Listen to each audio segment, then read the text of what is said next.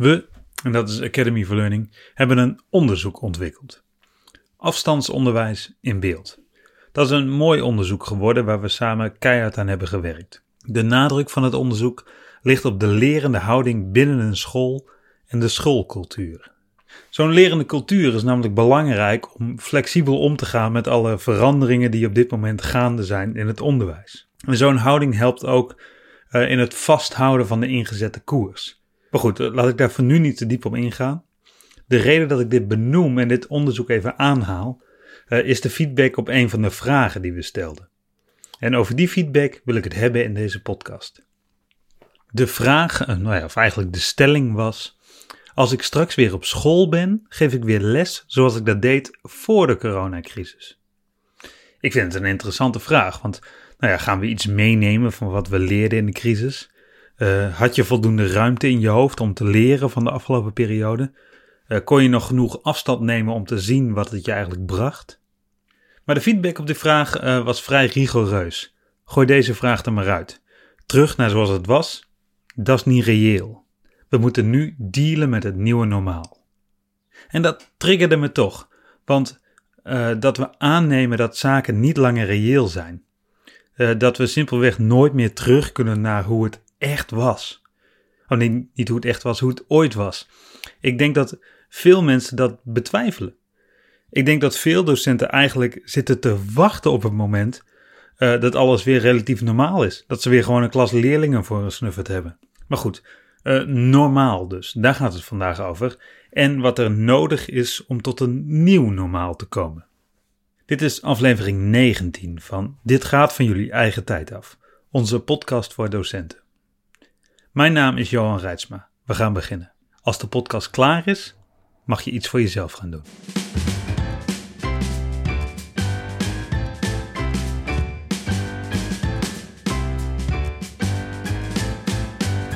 Als we het hebben over normaal, dan wil ik eerst in de mentale modellen duiken. Want ja, als er een nieuw normaal komt, dan moet er ook iets veranderen aan wat we nu blijkbaar normaal vinden. Daarom is het belangrijk om het te hebben over mentale modellen. Wat korter de bocht onze interpretaties van de werkelijkheid zijn. Vaak zijn die impliciet. We hebben bijvoorbeeld een mentaal model van wat een school moet zijn of hoe docentschap hoort te zijn. Zie het als een bril waarmee je naar de wereld kijkt. En die bepaalt wat en hoe je ziet en hoe je handelt. En die modellen zijn heus niet voor iedereen gelijk. En daarom worstelen we ook zo met überhaupt uh, te beantwoorden wat normaal is. Als ik dat zeg, dan moet ik denken aan een plaatje dat ik eens had opgeslagen in mijn telefoon. Een plaatje waarbij, het waarbij een getal op de grond is getekend, op de straat als ik me niet vergis. Uh, er staat iemand aan de ene kant op de stoep en die leest het getal voor. Die zegt een 6. Er staat iemand aan de andere kant op de stoep en die leest hetzelfde getal. En die zegt een 9. Ik wil er maar mee aangeven dat de bril waarmee je naar de wereld kijkt of naar de werkelijkheid heel belangrijk is. En een mentaal model is te vergelijken met zo'n bril.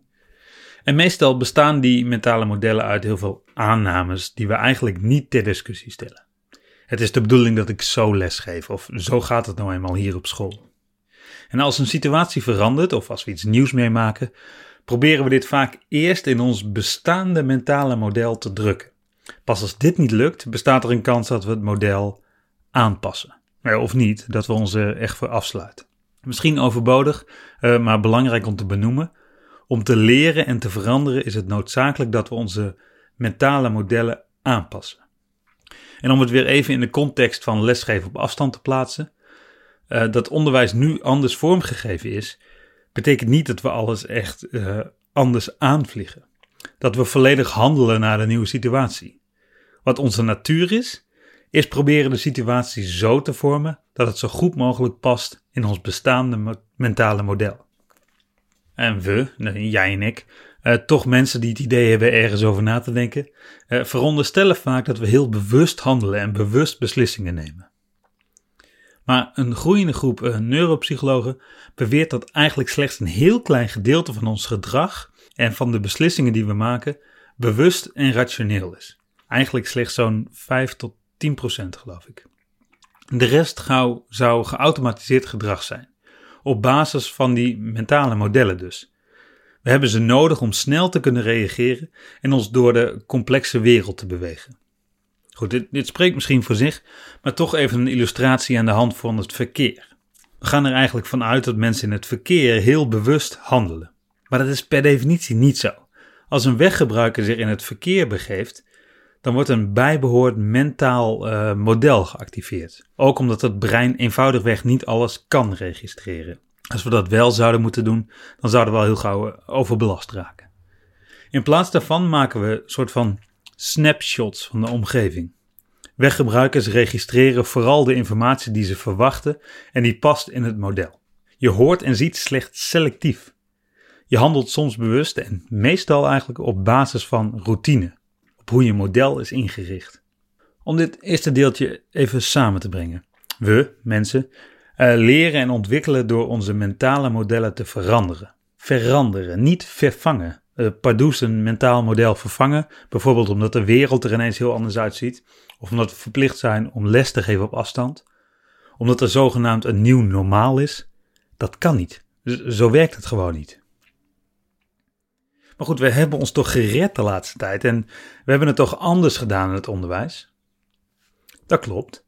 Maar waarschijnlijk is dat voor een groot deel gevoed door de crisis of door adrenaline of door overlevingsdrang. Dat is wat anders dan uh, duurzame verandering of een veranderend mentaal model. Kortom, als het weer meer wordt zoals voor de crisis, doen we waarschijnlijk weer gewoon wat we altijd deden. Als we naar een nieuw normaal willen, dan is er meer nodig. Of nou ja, wat anders in ieder geval. En dat begint bij het ontdekken of het zien van wat dat nieuwe normaal dan eigenlijk is. Waar hebben we het dan over? Dat we dingen op afstand doen, eh, dat we dingen digitaal doen, dat we flink snijden in ons onderwijsprogramma, eh, dat leerlingen meer zelfstandig werken. Misschien al deze dingen samen of iets heel anders, ik, ik weet het niet. Maar hier gaat het natuurlijk wel over. Uh, terminologie als een nieuw normaal, dat bek lekker natuurlijk. Maar het valt niet mee om dat te realiseren. Want het vraagt een verandering. Een gedragsverandering van al die docenten die samen bepalen wat het normaal is in dit geval. En wij denken vaak dat docenten, of misschien wel mensen in het algemeen, niet gemotiveerd zijn om te veranderen. Maar dat is niet juist.